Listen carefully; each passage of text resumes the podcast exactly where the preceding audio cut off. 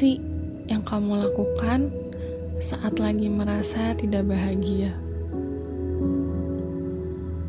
Ada kalanya kita bangun pagi dan memulai hari dengan perasaan yang tidak kita mengerti. Kemarin semua baik-baik saja, tapi hari ini tiba-tiba semua itu hilang.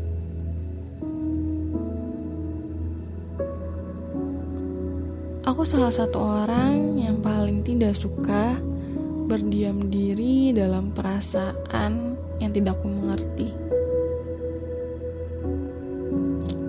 Apalagi perasaan yang dalam kurung gelap atau negatif. Aku akan berusaha untuk mengembalikan semuanya normal karena aku suka hal-hal yang stabil.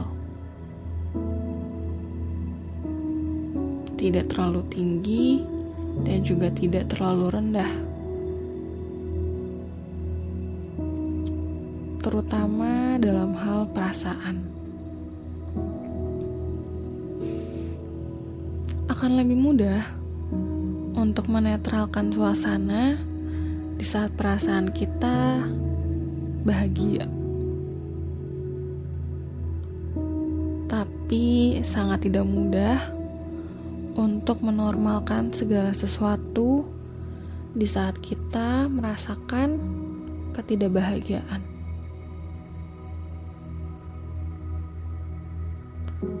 Kita memang tidak bisa selalu memaksakan diri untuk bahagia di saat kita tidak merasakannya. Karena pasti apa yang dipaksakan tidak akan menghasilkan hal yang baik sangat terlihat sekali kepalsuannya. Tapi aku percaya bahwa kita punya otoritas atas apa yang kita rasakan. Kita bisa memilih dan mengontrol perasaan kita. Bukan berarti memaksakan atau tidak menerima perasaan negatif tersebut, tapi memilih untuk tidak terlalu larut dalam perasaan yang negatif.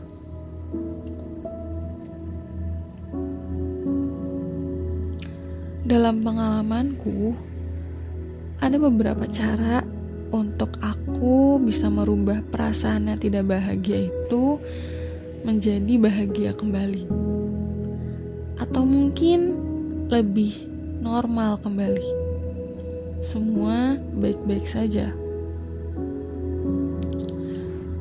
Yang pertama adalah olahraga.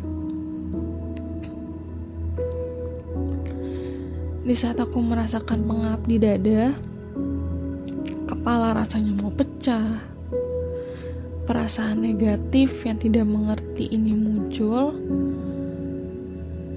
Yang aku lakukan adalah jalan kaki. Aku suka jalan sendirian selama 30 menit sampai 1 jam. Seperti sekali dayung 2-3 pulau terlampaui, begitu juga dengan olahraga atau jalan kaki. Karena sambil menghilangkan penat, sekalian olahraga, bergerak, sekalian menghirup udara segar, sekalian melihat bagaimana situasi di luar, dan sekalian merenung tentang apa yang aku rasakan. Semua jadi satu dilakukan dengan cara yang lebih menyenangkan dan menenangkan.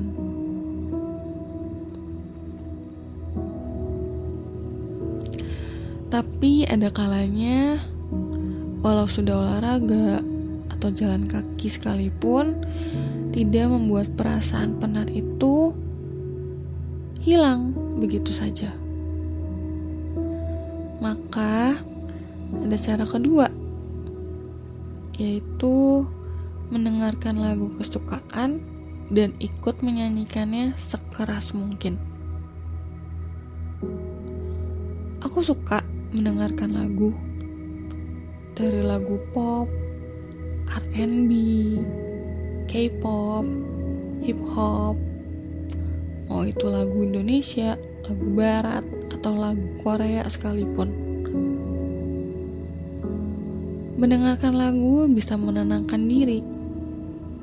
Kita bisa milih lagu sesuai yang kita rasakan, dan kita bisa mengutarakannya dengan kita bernyanyi. Nyanyilah sekeras yang bisa kamu lakukan. Iya, sesuai dengan tempat dan waktu.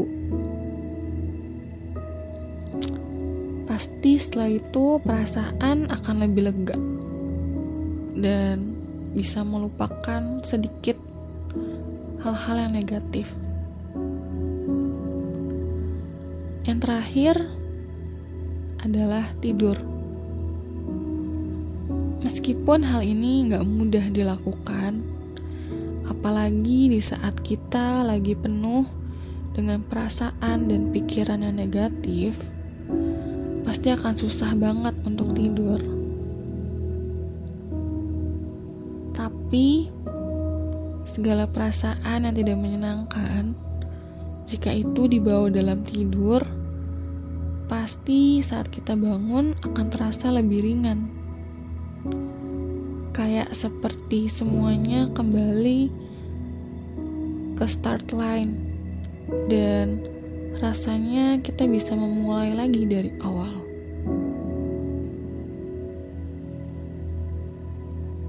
Memang gak mudah untuk mengenali perasaan unhappy yang membuat kita gak bahagia, yang membuat kita merasa lebih kecil, dan itu bisa tiba-tiba muncul. Kita nggak mengerti kenapa tiba-tiba muncul hari ini dan membuat segala sesuatu yang kita rencanakan berantakan. Tapi itu tetap suatu hal yang kita rasakan. Itu bagian dari kita. Jadi rangkuhlah perasaan itu belajar untuk memahami, tapi jangan terlalu larut di dalamnya. Take control of it. Mungkin memang perasaan yang kita alami sangat berpengaruh untuk kita, apalagi bagi para perempuan. Tapi semua selalu bisa dikendalikan selama kita mau belajar dan melatih diri untuk tidak dikendalikan dengan perasaan tersebut. Cari cara terbaikmu untuk selalu pegang kendali atas perasaan-perasaan yang muncul dan akan berdampak sama jalannya hari ini.